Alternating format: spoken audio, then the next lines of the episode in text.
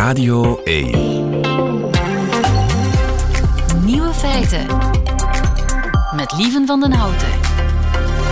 Dag en welkom bij de podcast van Nieuwe Feiten, geïnspireerd op de uitzending van donderdag 1 juni 2023. In het nieuws vandaag dat de overheid wil weten of u bereid bent om in een pornofilm te spelen. Dat blijkt uit een getuigenis van een Brusselse actrice die momenteel zonder werk zit en zich dus bij Actiris inschreef, de Brusselse versie van de VDAB. Toen ze op gesprek ging, vroeg de medewerker ineens langs zijn neus weg of de actrice ook bereid was om in een pornofilm mee te spelen. Actiris erkent dat de vraag voorkomt op de vragenlijst voor werkloze acteurs. Diezelfde lijst wordt overigens ook door de VDAB gebruikt. En dus ook aan Vlaamse werkloze acteurs wordt de vraag gesteld. De BTB, de PTB, zo heet die, de Franstalige P van de A, vraagt aan Actiris om de vraag te schrappen. En Actiris zegt dat ze nog nooit een klacht over de vraag heeft gekregen, maar als de politiek beslist om de vraag te schrappen, ze dat zeker zullen doen. De andere nieuwe feiten vandaag. 1 juni vandaag, maar nu al schakelen veel zonnepanelen zichzelf uit wegens te veel zon. De nieuwste trend uit Scandinavië heet Jekuta. Rika Ponet krijgt post van Fien. Haar vader zit in een midlife-crisis. En het wordt wellicht een rampjaar voor de vlinders. De nieuwe feiten van Nico Dijkshoorn, die hoort u in zijn middagjournaal. Veel plezier. Radio 1. Nieuwe feiten. Kunnen zonnepanelen niet tegen de zon? Je zou het beginnen denken, want veel luisteraars laten ons weten dat hun zonnepanelen uitvallen. Niet door hackers, zoals we het gisteren met Luc Pauwels over hadden, maar door te veel zon. Luc Pauwels, goedemiddag, nogmaals. Goedemiddag, Ja. ja. ja, nogmaals. Ja, gisteren hadden we het over de hackbaarheid van, de, van een toestelletje dat aan, eh, hoe heet het, een omvormer? Een omvormer, Een ja. omvormer, dat je- dat, die, dat je die goed moet beve- beveiligen of anders eh, kan dat een doelwit zijn voor hackers die je zonnepanelen kunnen eh, uitschakelen en misschien op grote schaal in heel het land kunnen uitschakelen, mochten dat ja, terreurbewegingen zijn of zo, of vijandige eh, landen. Nazi's, maar, een, ja. Bijvoorbeeld. Eh, maar toen kregen we heel veel reactie. Ja, maar mijn zonnepaneel zwijgt niet door een hacker, maar omdat de zon te hard schijnt. Kan dat? Dat kan, ja. Dus dat de zon eigenlijk een beetje de vijand wordt. Maar dat heeft eigenlijk Van het te maken met zonnepaneel. De zon. Hoe kan dat? Ja, van het zonnepaneel. Ehm, dat heeft eigenlijk niet te maken met, met de zon, maar vooral met het elektriciteitsnet dat daarachter ligt. Hè. En ook alweer die omvormer. Ehm, en je ziet dat vooral bij slechtere, oudere elektriciteitsnetten gebeuren. Want als er veel zon is, maak je je zonnepanelen veel stroom. En die overschotten, die duwen ze op het elektriciteitsnet via die fameuze omvormer, hè, die die gelijkstroom van je zonnepanelen omzet in stroom, wisselstroom die op de netten kan. Maar die netten die raken daardoor soms overbelast. En om die netten en zichzelf te beschermen, zetten die omvormers van de zonnepanelen zich automatisch uit dan. Ze beschermen je zonnepanelen, ze beschermen de netten en ze beschermen eigenlijk ook de apparaten, de elektrische apparaten bij je thuis. Want als een overbelast net je woning begint te bestoken, dan kunnen je elektrische apparaten daardoor stuk gaan. En daardoor dus vallen bij slechte elektriciteitsnetten inderdaad nu al zonnepanelen uit wanneer er veel zon is. Ja, en we zijn pas eh 1 juni. Komt dat vaak voor? Of is dat in, in Mhm. Bepaalde gebieden waar ze nog een beetje achterlopen met het eh, netwerk? Een beetje achterlopen met het netwerk en veel zonnepanelen. Het komt al maar meer voor. We hebben natuurlijk ook al maar meer zonnepanelen. Maar bij onze netbeheerder Fluvius sprak men vorig jaar over 3000 aangemelde gevallen. En dat is groeiende. Eh, maar dat is ook waarschijnlijk een topje van de ijsberg, want in Nederland zegt men ook, ja, we hebben daar 3000 klachten gekregen, maar schatten ze dat bij hen 5% van de mensen daar wel eens last van heb- hebben. En dan gaat het al over 75.000 gezinnen in Nederland. Hè. Hier zal dat wel minder zijn, maar het is groeiende. En dus er komen klachten binnen, je zonnepanelen vallen uit, je verliest daardoor natuurlijk de inkomsten van Tuurlijk. de stroom die je uitspaart en ook wat subsidies. Maar ons beleid speelt al op in, die zeggen ja, wanneer dat gebeurt en we zien wel degelijk dat het aan het net ligt en we kunnen het binnen de 30 dagen niet oplossen, dan krijg je een forfaitaire vergoeding per jaar. En dus uh, dat is voor een gemiddelde installatie 35 euro. Ja, dat 35 is euro? Natuurlijk per jaar. Per ja. jaar? Nou? Uh, als je subsidies krijgt op die zonnepanelen bovendien, want er zijn nog altijd zonneinstallaties die subsidies krijgen, wordt dat ook een beetje vergoed, hè? het verlies aan die subsidies. En voor de grootste installaties op onze woningen, met uh, de grootste subsidies, dat zijn installaties van tot 2009 gelegd, kan dat toch oplopen tot een kleine 230 euro per Ja. jaar. Zou het niet beter zijn om het probleem op te lossen? Tuurlijk, hè, het is altijd beter van die netten aan te pakken. En men doet dat ook in verschillende stapjes. Hè. We gaan eerst eens kijken of er bij je installatie binnen geen probleem is. Het zou gewoon kunnen dat je zonnepanelen slecht zijn geïnstalleerd. Dan moet je even bij je installateur langs. Is dat niet de oorzaak, dan komt Fluvius langs en kijken zij of ze de elektriciteitscabine om de hoek bij jou niet een beetje kunnen aanpassen.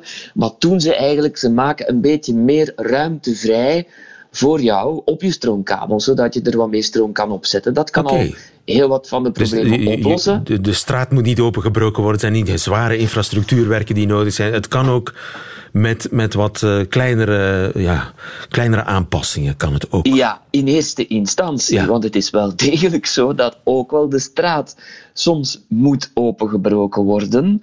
Of nieuwe kabels gehangen aan verlichtingspalen. Ja. Of omdat men zelfs van nieuwe verdeelkasten moet Ja. plaatsen. En dan spreken we natuurlijk over een andere periode. Hè. Dan gaat het over voor nieuwe kabels aanleggen. Dat kan maanden duren. We proberen dat dan dikwijls ook wel te groeperen met andere werken, rioleringswerken in je straat of zo. Dan hang je er misschien zelfs jaren aan. We hebben zo mensen gezien die dat probleem hadden en jaren aan het wachten waren op de nieuwe kabels. Zit je dan met stap- fonkelnieuwe dure zonnepanelen? Ja, is de infrastructuur niet klaar? Ja, en dat wordt eigenlijk over heel West-Europa wel een probleem. De elektriciteitsnetten, dus de, de kleinere netten die de stroom tot bij je thuis brengen, de laagspanningsnetten en middenspanningsnetten, die zijn eigenlijk niet ontworpen om massaal stroom erop te zetten via zonnepanelen. Ja. En die problemen komen nu naar boven. Hè? Want soms moet men heel ver gaan, moet men zelfs de verdeelkast of een nieuwe verdeelkast in je buurt plaatsen. Daarvoor heeft men ruimte nodig, dat moet grond onteigend worden en dan ben je dus jaren weg. Ja.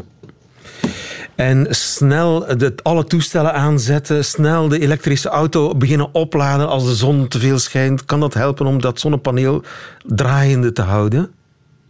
Wel, als je de stroom inderdaad niet eh, over het net zet, maar rechtstreeks via een laadpaal op je auto zou kunnen zetten, ja, dan vang je dat voor een deel wel op. Hè. Dan ga je het net ontlasten. En dat is eigenlijk ook wat de overheid een beetje wil gaan stimuleren in de toekomst. Hè. Eh, gebruik die auto's bijvoorbeeld als slimme opslag bij overschotten aan zonne-energie of windenergie. Of eh, let ook een beetje op hoe je je toestellen gaat inzetten. Je kan die bijvoorbeeld beginnen in te zetten wanneer er veel zon aankomt. Hè. Slimme toestellen, bijvoorbeeld je wasmachine terwijl jij op je werk bent leven, dat dan automatisch aangestuurd begint te draaien wanneer ze zien er komt heel veel zon aan. Goedkopere elektriciteit en je vermijdt daarmee ook een beetje toverbelasting van het net. Ja. Maar daarmee alleen gaan we het niet trekken hoor. Het is wel duidelijk dat ook de netten zullen moeten worden versterkt. Kan een oplossing zijn, maar het is weer een combinatie van maatregelen die we gaan en vooral een niet meteen opgelost morgen. Luc Pauwels, dankjewel. Goedemiddag. Graag gedaan. Vraag het aan Rika.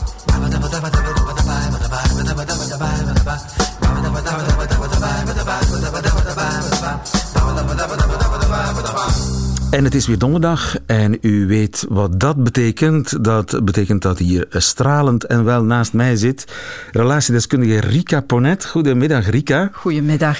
Zal ik een brief voor jou voorlezen? Een brief van Fien. Graag. Fien wil dat jij haar helpt. Fien is 26, niet onbelangrijk. Enkele jaren geleden, schrijft Fien, zat mijn vader gedurende zeker twee jaar niet goed in zijn vel. Hij heeft een leven lang hard gewerkt en lange dagen geklopt, waardoor wij als gezin dachten aan een burn-out.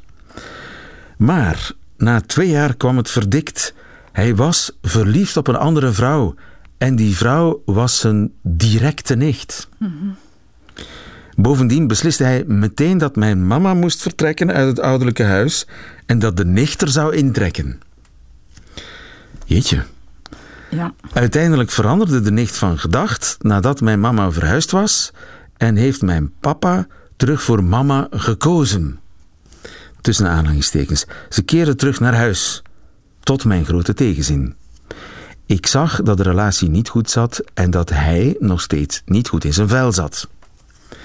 Een paar maanden later, toen ik hoogzwanger was van mijn eerste kindje, kwam de nicht weer op de proppen. Besloot mijn papa deze keer bij haar in te trekken. Opnieuw een zware klap. Maar na zes maanden samenwonen was de liefde tussen mijn papa en zijn nicht bekoeld en verhuisde hij opnieuw naar het ouderlijk huis waar mijn mama hem weer met open armen ontving. Ik denk dat nog kan volgen. Ja. Ik heb het heel erg moeilijk met deze situatie en ik zie mijn papa liever niet. Dat hij mijn mama telkens weer als een makkelijke oplossing ziet en zij hem iedere keer zo makkelijk vergeeft, dat gaat er bij mij niet in. En waar ik mij ook aan erger, hij geeft haar geen enkele vorm van affectie. Wat ook de reden was dat hij bij mama weg wilde, naast die verliefdheid op die nicht.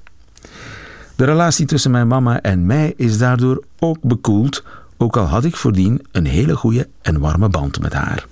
Hoe pak ik de situatie met mijn papa het beste aan? Ja, Rika, ik vraag me af, moet ze iets aanpakken? Is het haar Rol. is het haar rol? Of, ja, Moet ze zich moeien? Ligt dit op haar bord? Want ik begrijp, zij woont daar niet meer bij, hè? Nee, ja. Ze is 26, ze heeft haar zelf- eigen gezin. Ja, ze is blijkbaar zelf mama Ala ondertussen. Ja. Ja. Nu, ik denk, als ik daar zo naar luister, dat ehm, hetgene waar Fien het meest mee worstelt, dat dat toch een stukje gaat over volwassen worden en een volwassen relatie ontwikkelen met onze ouders. Nu, dat klinkt zo wat betuttelend, ik bedoel het ook helemaal zo niet. Ehm, maar dat is een opdracht eh, die mensen hebben en als je twintiger, dertiger bent. Zeker als jongvolwassene, als twintiger, sta je nog vrij dicht bij dat gezin van oorsprong. Je bent daar eigenlijk nog heel hard mee verweven. Ehm, waardoor je ook nog vaak met één been in die rol van het kind van mijn ouders staat. Hè. Naarmate je al maar ouder wordt en langer op een ander adres woont en een eigen gezin hebt, kom je meer en meer op afstand daarvan te staan en ga je daar ook anders naar kijken, ga je Ja. daar ook anders mee om. Dat is niet voor iedereen een even makkelijk proces. Want ik heb het gevoel dat zij haar moeder wil verdedigen tegenover die vader die, die haar min of meer als een vod behandelt. Tenminste, als ik het zo lees. Ja, ehm, Makkelijke oplossing als het niet lukt met een andere Ik denk dat ze het moeilijk heeft met het feit, eh, ja, mijn ouders zijn maar zoals ik ze nu ervaar wat ze zijn. Hè. Ik moet die op de een of andere manier onschuldigd krijgen. Dat lukt niet. hè, want- Onschuldigd krijgen. Onschuldigd krijgen, ja. Eh, weet je, als je nog heel dicht bij je ouders staat, dan vind je dat heel moeilijk om hen niet te zien als... Ouders zijn vaak goden, hè. dat zijn degenen die voor ons zorgen, waar we afhankelijk van zijn. En ook al zien wij zelfs al in onze kindertijd dat daar eh, toch wel wat imperfecties zijn, hoe gaat een kind daarmee om, om die band veilig te houden? Want je hebt dat nodig, dat is een overlevingsstructuur, we mogen dat niet onderschatten, hè, hoe belangrijk dat, dat is voor een kind. Wat doet een kind als een ouder je afwijst of dingen doet die je niet kan rijmen? Eh, dan gaat een kind dat bij zichzelf leggen. Dus dan heb je de neiging om te denken... Het is mijn Ja, schuld. het is mijn schuld, ik heb een probleem. Papa is vertrokken, papa is bij een andere vrouw. Ik zal wel niet het goede of het juiste kind geweest zijn. Vandaar ook het belang als ouders scheiden met kinderen op jonge leeftijd, dat er heel duidelijk wordt gecommuniceerd. Het is Wij jullie schuld Het is niet. jullie schuld niet, ja.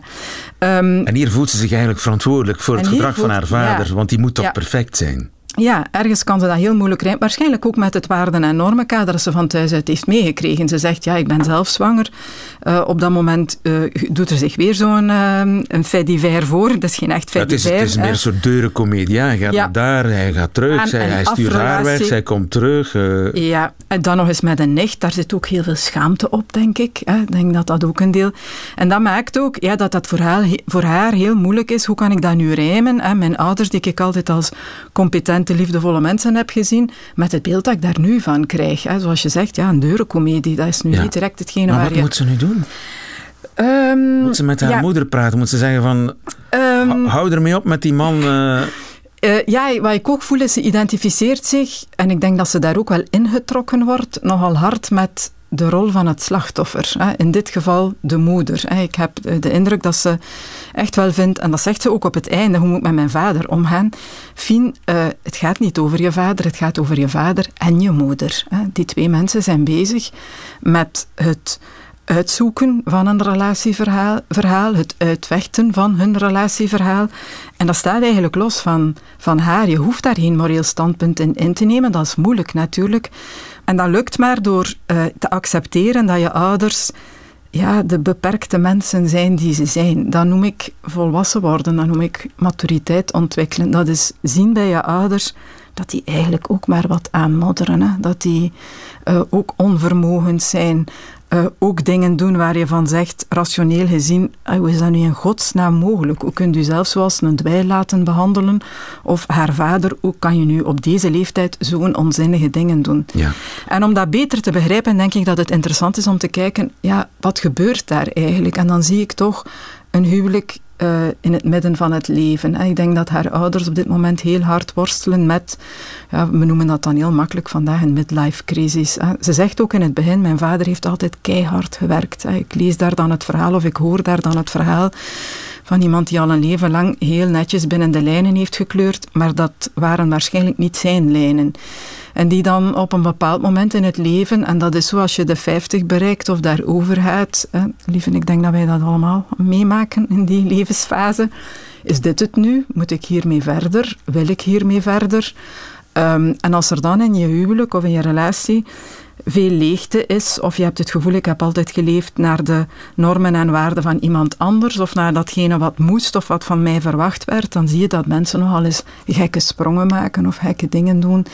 En dat is niet omdat ze slecht zijn, maar het is omdat men op dat moment heel hard worstelt met ja, het beeld van de eindigheid van het leven. En, um, en dat verklaart emotioneel heel vaak waarom mensen de dingen doen die ze doen. En Denk je dat het verstandig is dat Fien met haar moeder of met haar vader hierover een gesprek aangaat? Of is het verstandiger om te zeggen, Misschien met beiden. Of, of, uh, mama, papa, voor mij is dit kei moeilijk. Tegelijk? Ja. Je zou dit tegelijk doen? Uh, blijkbaar zijn ze nu opnieuw bij elkaar, als ja, ik ja, goed ze zijn terug heb. bij elkaar. Ja. Uh, ik heb dat hier heel, heel moeilijk mee. Maar ook um, als je daar zo naar kijkt dan helpt dat misschien voor haar om naar die beide ouders te kijken als ik mag die mensen graag blijven zien. Hè. Zij hoeft haar vader niet af te wijzen. Um, ja, dat zijn twee mensen die samen in een relatie zitten waar het op dit moment kei moeilijk in gaat. En ik accepteer daarvoor dat dat is, een crisis waar zij samen moeten uitkomen, maar dat blijven uiteindelijk mijn ouders. Ja. En ik mag die allebei als individu graag zien, maar, ook al vind ik op dit moment wat zij met elkaar doen niet zo'n fijn gegeven. Juist, maar ik heb het gevoel dat zij wil bemiddelen. Ja. En de vraag is of dat een goed idee is. Uh, nee. Dat denk ik niet. Dat is ook je rol niet als kind. Ik begrijp dat wel. Je, je wil uiteindelijk uh, je ouders gelukkig zien. En dat is ook wat je ziet. En daarom dat ik ook zeg, ze zit blijkbaar toch nog met één been in haar rol van het, uh, het ideale, de ideale dochter, het goede kind. Um, dat er alles aan doet om ervoor te zorgen dat die thuissituatie intact blijft, goed blijft. Dat dat nest blijft zoals het was. Um, je kan dat niet. Hè. Dat is eigenlijk ook die acceptatie waar ze hopelijk naartoe geraakt van ja, ik heb een twijfelende vader en een even hard twijfelende moeder en uh, ergens zie ik dat die twee mensen met elkaar aan het vechten zijn voor datgene wat er eventueel nog kan tussen hen op een niet zo mooie manier en ik mag beiden graag zien voor wie ze zijn. En dat ja, is een, um, een veel makkelijkere weg, geen makkelijke weg, maar een makkelijkere weg dan uh, de scheidsrechter te proberen spelen in dat verhaal, waarin dat je dan bijna gedwongen wordt hè, om te kiezen. En dat kan je als kind niet, want dan kom je in conflict met je eigen loyaliteitsgevoelens. Je wil eigenlijk als kind vanuit acceptatie je beide ouders graag mogen zien. En ik hoop dat ze daar geraakt. Ja. ja dus een stapje terugzetten eigenlijk. Een stapje terugzetten, uh, aanvaarden dat het moeilijk loopt thuis. Probeer weg te blijven van schaamte. Dat is nergens voor nodig. Ook al ja, zegt jouw directe omgeving misschien van, allee, je vader uh, die krijgt zot in zijn kop, of wat is dat hier? Maar um, ja, durf een stapje terug te nemen. En durf dat ook aan te geven aan je beide ouders. Jongens, je maakt het mij wel, verdorie. Niet zo makkelijk hoor, maar um, ik zie jullie allebei graag, ja. Oké, okay, Fien, ik hoop dat we jou uh, verstandige dingen hebben gezegd en dat je daar iets mee kunt, dat je daar verder mee kunt als er nog mensen zijn die een dilemma willen voorleggen aan relatiedeskundige Rika Ponet. Die dilemma's zijn uiteraard welkom op nieuwe feiten uit radio1.be. Tot volgende week. Graag.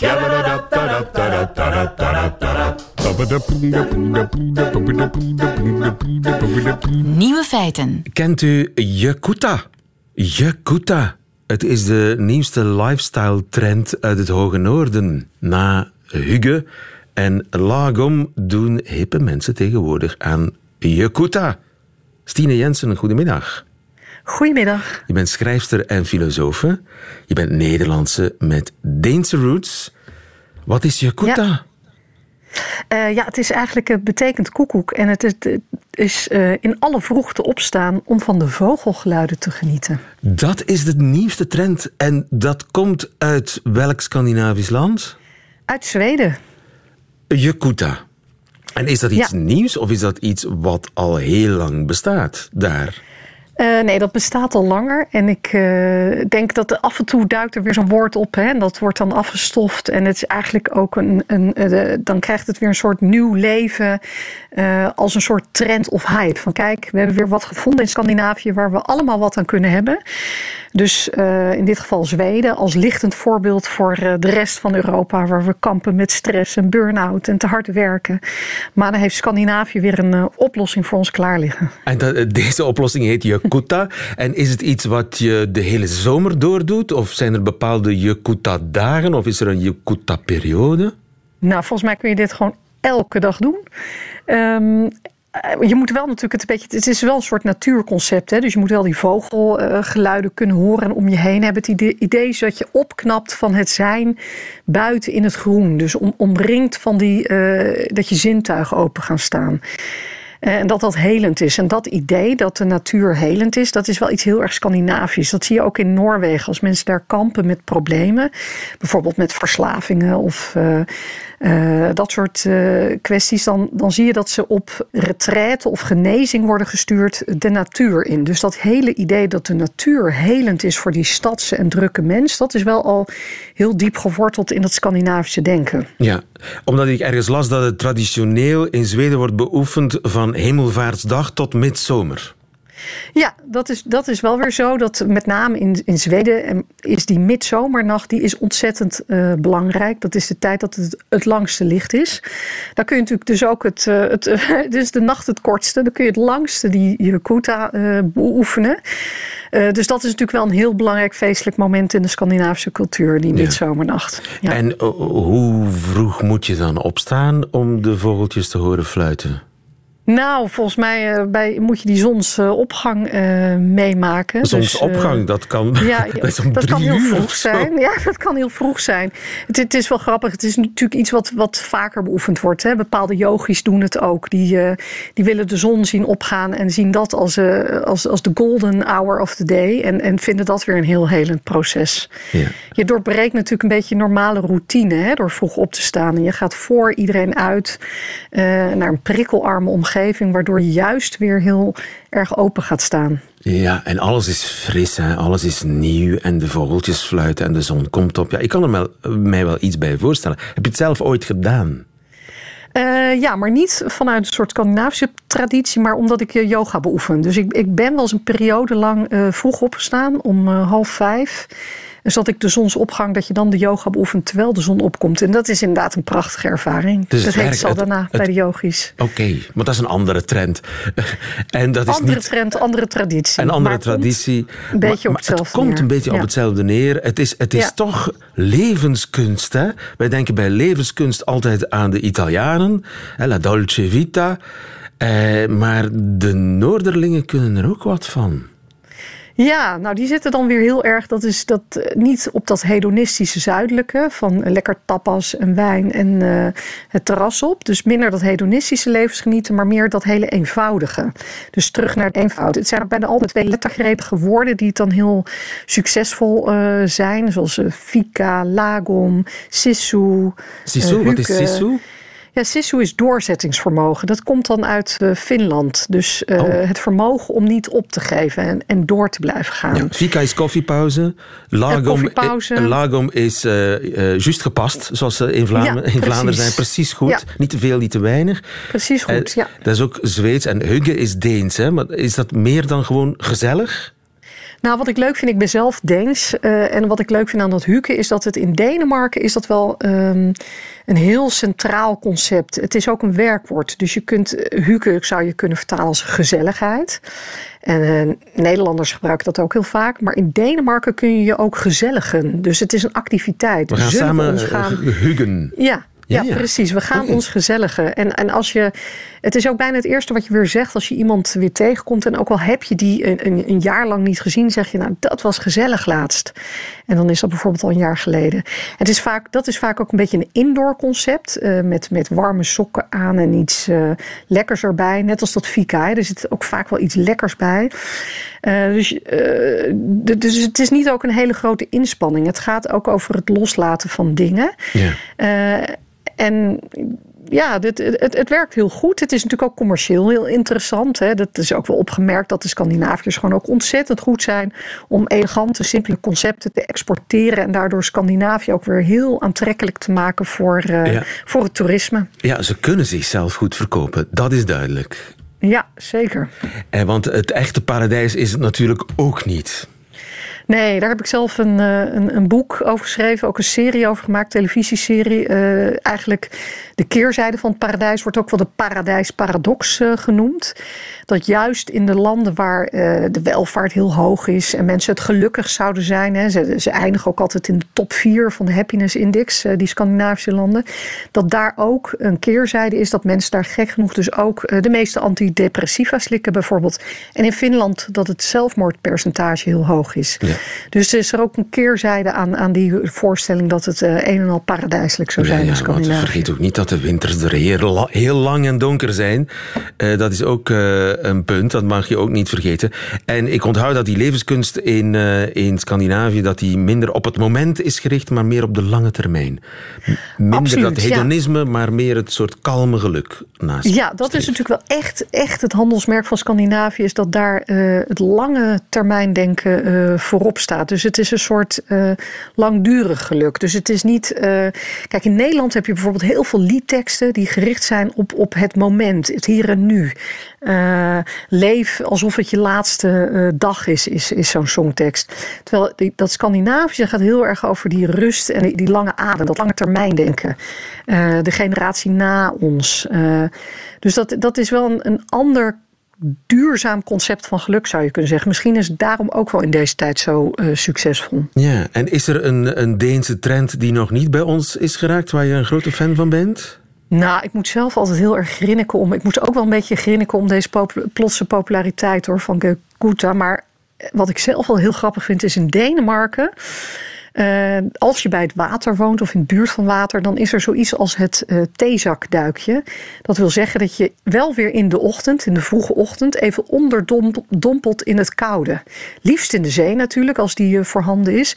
Maar dat doe je eigenlijk alsof je in een theezakje bent. Dus je plonst even erin en eruit. Je haalt jezelf als een theezakje erin en weer omhoog. Maar ik denk dat dat nog niet de rest van Europa heeft bereikt, bereikt omdat het misschien toch een wat minder stoer concept is. Het is ook niet zo'n charmant idee als een theezakje plons erin en eruit. Maar ik vind dat zelf een hele leuke traditie. En, en hoe heet dat in het Deens? Uh. Dus een, een, een gezond, ja, dus een gezonde duik in het water. Erin en eruit. Een koude plons. En uh, ik vind dat zelf eigenlijk wel een heel uh, leuk en uh, gezellig concept toch wel stiekem. Misschien is dat de volgende trend. Na Jukuta, wie weet. Dankjewel ja. Stine Jensen. Graag gedaan. Nog een fijne dag. En morgen Jullie vroeg ook. opstaan natuurlijk, hè? Ja, Om naar de koekoek te luisteren. Ja.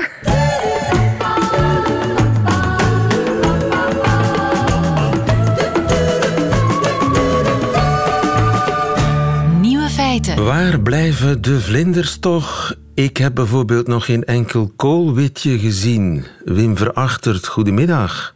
Goedemiddag. Je bent wetenschappelijk medewerker van Natuurpunt. Ligt het aan mij?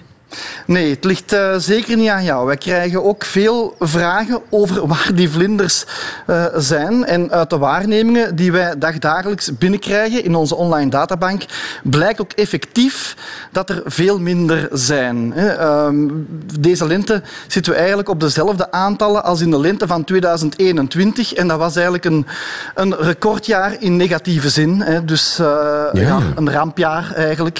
en nu is het ongeveer hetzelfde niveau. Het dreigt een rampjaar te worden voor de vlinders als het niet aan mij ligt. Waar ligt het dan wel aan? Goh, dat er nu zo weinig zijn, heeft uh, waarschijnlijk te maken met de de, de, de, omstandigheden van vorig jaar. Hè. Die hele droge omstandigheden van sommige soorten weten we zeker dat er in de hoogzomer eigenlijk rupsen zijn uitgedroogd. Die hebben zich niet kunnen ontwikkelen tot vlinders en dus ook niet kunnen gaan overwinteren. En dan zijn er natuurlijk in de lente daar ook, ook, ook minder vlinders. Nou ja, de, nu, de, de, vlinders van vandaag die zijn eigenlijk ja, de rupsen van vorige zomer. Ja, en elke vlinder heeft zijn eigen manier om, om, om de um, winter door te brengen. Dat verschilt van soort tot soort. Je hebt er die als eitje overwinteren, je hebt er die als rups of als pop overwinteren of als volwassen vlinder. En dat kan ook zijn dat, dat, sommige soorten, dan in rupsen bijvoorbeeld, die zijn gevoelig voor uitdroging. Als het dan in de, in de um, hoogzomer en nazomer te droog was, ja, dan zijn die misschien niet, hebben die niet overleefd. En dus niet alle soorten zijn even hard getroffen dan? Nee, nee want uh, bijvoorbeeld soorten die uh, normaal als rups in de, in de late lente leven, zoals het oranje tipje, en die al voor de zomerdroogte het popstadium waren ingegaan, die waren beter beschut of beter bestand daartegen. En uh, het oranje tipje had nu toch nog wel een, een redelijk jaar. Oh ja. Bij vlinders is het trouwens ook zo dat hè, we spreken nu van rampjaar, maar het jaar is nog niet half. Hè, dus uh, alles hangt ervan af van hoe het weer de komende weken zal zijn. En vlinders hebben ook een vrij korte tijd om zich te ontwikkelen. Sommige soorten hebben meerdere generaties per jaar, heet dat dan. Je ziet ze in meerdere uh, golven, om het zo te zeggen. Uh, maar dat kan dus zijn dat in de, de hoogzomer dat er dan toch nog veel vlinders uh, gaan zijn. Maar ja, dat, ik heb ook geen kristallenbol. Dat gaan we moeten ja. afwachten. En vlinders hangen ook af van de planten waarin ze als pop of als rups uh, wonen. Ja, inderdaad. Hè. elke vlindersoort heeft wel zijn eigen voorkeur. Hè. Die, uh, de dagpauwogen bijvoorbeeld, of het landkaartje, die gebruiken alleen brandnetels om hun eitjes op af te zetten. En die netels, en dat weten we uit de ervaring van de afgelopen jaar, die zijn wel gevoelig voor verdroging. Ja, en zo een, een, een knisperige netel, dat krijgen die rupsen eigenlijk niet gegeten of verteerd. Dus dan, dan sterven die beestjes ook. Dus, uh, terwijl sommige boomsoorten, zoals uh, de sporkenhout, daar zitten de rupsen van de citroenvlinder op, ja, die hebben daar minder last van uh, gehad. En dus die zouden we meer kunnen zien rond deze tijd? Voor de citroenvlinder was het eigenlijk... Die waren er dit voorjaar nog wel in redelijke uh, aantallen. Dus dat, dat, is, dat is altijd wel zo, dat er grote verschillen zijn van soort tot soort. Maar sommige heel algemene soorten, zoals die dagpauwoog, maar bijvoorbeeld ook de koolwitjes, die zijn er nu in heel lage uh, aantallen. Dus in die zin is het effectief een lente met heel weinig vlinders. Ja. En eh, ligt het aan die nattigheid en de kou? Heeft dat een, rol gespeeld? We hebben een natte, frisse lente gehad. Ik vond het heerlijk overigens, maar goed. Um, ik denk dat dat misschien... Je zou dan denken, ah ja, misschien waren die vlinders er wel, en zaten die stil. Als het geen mooi weer is, dan zie je ze natuurlijk ook niet eh, vliegen. Maar ondertussen zijn er wel al wat mooie dagen geweest. En ook nu zien we heel weinig uh, vlinders vliegen. Dus ik denk dat dat eigenlijk een kleinere rol uh, speelt. Nu kan dat wel zijn en dat de, die planten waar ik het net over had, waar rupsen op leven, ja, die staan er nu wel florissant bij. Hè? Dus um, door die nattigheid. En, en, en het zou dus kunnen dat de, de weinige rupsen die er dan nu zijn, dat die dan toch allemaal uh, zich heel goed kunnen ontwikkelen, zodat in de zomer er weer wat meer vlinders uh, te zien zijn. Ja, we, we wachten bang af, want ja, vlinders zijn belangrijk, hè? ook voor de bestuiving. Die dragen bij aan de bestuiving. Andere insecten doen dat eigenlijk nog meer, zoals hommels en zweefvliegen. Maar ook die zijn er eigenlijk in heel lage uh, aantallen. Ja. Dus het is, wel, uh, het is wel opmerkelijk dat het uh, een, een, een lente is met weinig insecten. Weinig insecten. En overigens is het niet binnenkort telweekend. Je hebt toch zo insectentelweekend? Bestaat dat niet? Vroeger, vroeger deden we in de zomer altijd een, een vlindertelling. En net vandaag start onze nieuwe campagne, de Insectenzomer van Natuurpunt, waarbij dat we mensen eigenlijk uh, erop uit willen sturen om in hun tuin of elders te gaan kijken naar insecten en met een app, Ops Identify heet die app. Um, Ops Identify, dat is één ja, woord. Daarmee kan, je, daarmee kan je in één woord, hè, de, uh, dat is een gratis app, die, uh, daar kan je foto's mee trekken en die herkent beestjes. Okay. En die waarnemingen worden dan eigenlijk opgeslagen in een, uh, in een, in een online databank en zo ver, verzamelt iedereen mee eigenlijk gegevens over de natuur. Hè? Want dan kunnen we ook uit die, uit die waarnemingen uh, dingen afleiden. Dus we kunnen dus allemaal een, meetellen. Een, ja, er is een Insectenzomer Challenge in die app en um, daar moet je op een hartje klikken. Uh, dus het, het, wordt, het, wordt, allemaal duidelijk als je de app downloadt, neem ik aan. Ja, ja. Uh, op, ja. En ja. vandaag start die campagne waarbij heel Vlaanderen aan het tellen slaat. En uh, dat, dat is gedurende een paar weken of zo. Um, dat is, de insectenzomer die duurt tot eind augustus. Dus het is, gewoon, het is niet echt dat je tellingen moet doen. Het is gewoon zoveel mogelijk uh, insecten waarnemen en vooral aan fotograferen. Uh, want het zijn eigenlijk die foto's die mee worden opgeslagen. Oké, okay, dus de telling zelf gebeurt door specialisten. Je moet alleen ja. maar foto's nemen en laten zien. En dat komt dan in een database terecht. Begrijp ik dat het zo goed? Een, ja, dat komt in een database terecht, inderdaad. Oké, okay, maar we werken dus allemaal mee zonder het zelf te weten aan een telling. Um, het is vooral verspreidingsonderzoek. Dus kijken waar welke soorten uh, voorkomen. Want een heel gestandaardiseerde telling is dat eigenlijk niet. Hè. En het is ook vooral de bedoeling om mensen te laten zien van naar, naar welke diversiteit aan insecten dat er eigenlijk is. Hè. Want er zijn allerlei, we kennen wel vlinders misschien, maar er zijn ook allerlei heel leuke beestjes. Schorpioenvliegen, gaasvliegen, uh, penseelkevers, noem maar op, die we misschien niet zo goed kennen. En die er ook allemaal prachtig uitzien. En ja, we willen mensen eigenlijk ook verwonderen en laten kennis maken met die insecten. Uitstekend plan. Ops Identify, zo heet de app. En uh, iedereen kan uh, aan het fotograferen en determineren voilà. van de, het, wilde, het wild leven in zijn tuin. Wim Verachtert, dankjewel. Goedemiddag. Dat is graag gedaan. Nieuwe feiten. Radio 1. Ziezo, dat waren ze, de nieuwe feiten van vandaag 1 juni 2023. Alleen nog die van Nico Dijkshoorn, die krijgt u nu in zijn middagjournaal. Nieuwe feiten. Middagjournaal.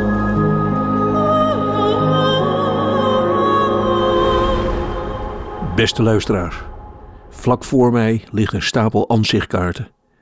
Op de achterkant heb ik lukraak complimenten geschreven en nu ga ik die vandaag volkomen willekeurig bij mensen door de brievenbus duwen. Het was niet eenvoudig om de teksten te schrijven. Ze moeten namelijk seksenneutraal zijn, dus niet specifiek voor een man of een vrouw. En de complimenten moeten toch een beetje geloofwaardig zijn, maar soms ook een beetje verontrustend. Laat ik gewoon een paar voorlezen en dan begrijpt u beter wat ik bedoel. Op een kaart met twee lachende dolfijnen op de voorkant heb ik op de achterkant geschreven: Laat je niets wijs maken. Al merk je het nooit en al wordt het nooit tegen je gezegd. Iedereen houdt van jou. Zoals je loopt met die benen van je, dat doen heel weinig mensen je na. Het goede van jou is dat je altijd loopt alsof je ergens naartoe gaat. Veel mensen zien eruit alsof ze doodsbang bij iets weglopen. Je hebt hele mooie handen. Luisteraars, dat is denk ik een levensveranderende kaart. Zo iemand die gaat opeens heel anders naar zijn eigen handen zitten kijken. En de volgende dag loopt hij of zij anders naar zijn werk. Op een aanzichtkaart met allemaal verschillende kaarsen op een houten plank heb ik op de achterkant geschreven: Zoals jij om de rekening vraagt in een restaurant, dat doen heel weinig mensen je na. Veel mensen die gaan met hun arm zitten zwaaien en dan zie je hun natte donkerblauwe oksel. Maar jij, jij vraagt om de rekening met een gorddroge oksel. Je koud je eten en je zit nooit de culinaire recensent uit te hangen. Je schrijft nooit, ondanks het laagje buikspek, op een bedje van organische veldsla weet restaurant Bruut Geweld niet te overtuigen. Nee, jij geniet van je eten en ik, ik geniet van jou. Blijf eten en blijf geven. Je geeft zoveel, zoveel. Op een kaart met een foto van een willekeurige brug heb ik achter op de aanzichtkaart geschreven: Ooit was je heel jong en leunde je met je arm op een brugleuning. En je hebt toen heel ordinaire dingen gedacht, zoals al dat water, waar gaat dat toch naartoe en waar komt het vandaan? Je hebt misschien ook wel eens een keer alleen op een strand gestaan en je hebt gedacht: als ik die zee zo zie, wat zijn wij dan eigenlijk nietig? En dat geeft helemaal niets. Schaam je niet. Het is allemaal verjaard. Ik wil dat je weet dat we er allemaal mee worstelen. We staan oog in oog met de natuur, met het oneindige en we begrijpen opeens dat minuscule gerommel van ons, van de mens. Er is geen God, er is geen schepping. We leven op een planeet die zich niets van ons aantrekt. We zijn slechts korte gast. Verder vind ik dat je hele leuke schoenen draagt die goed bij je kleur haar passen.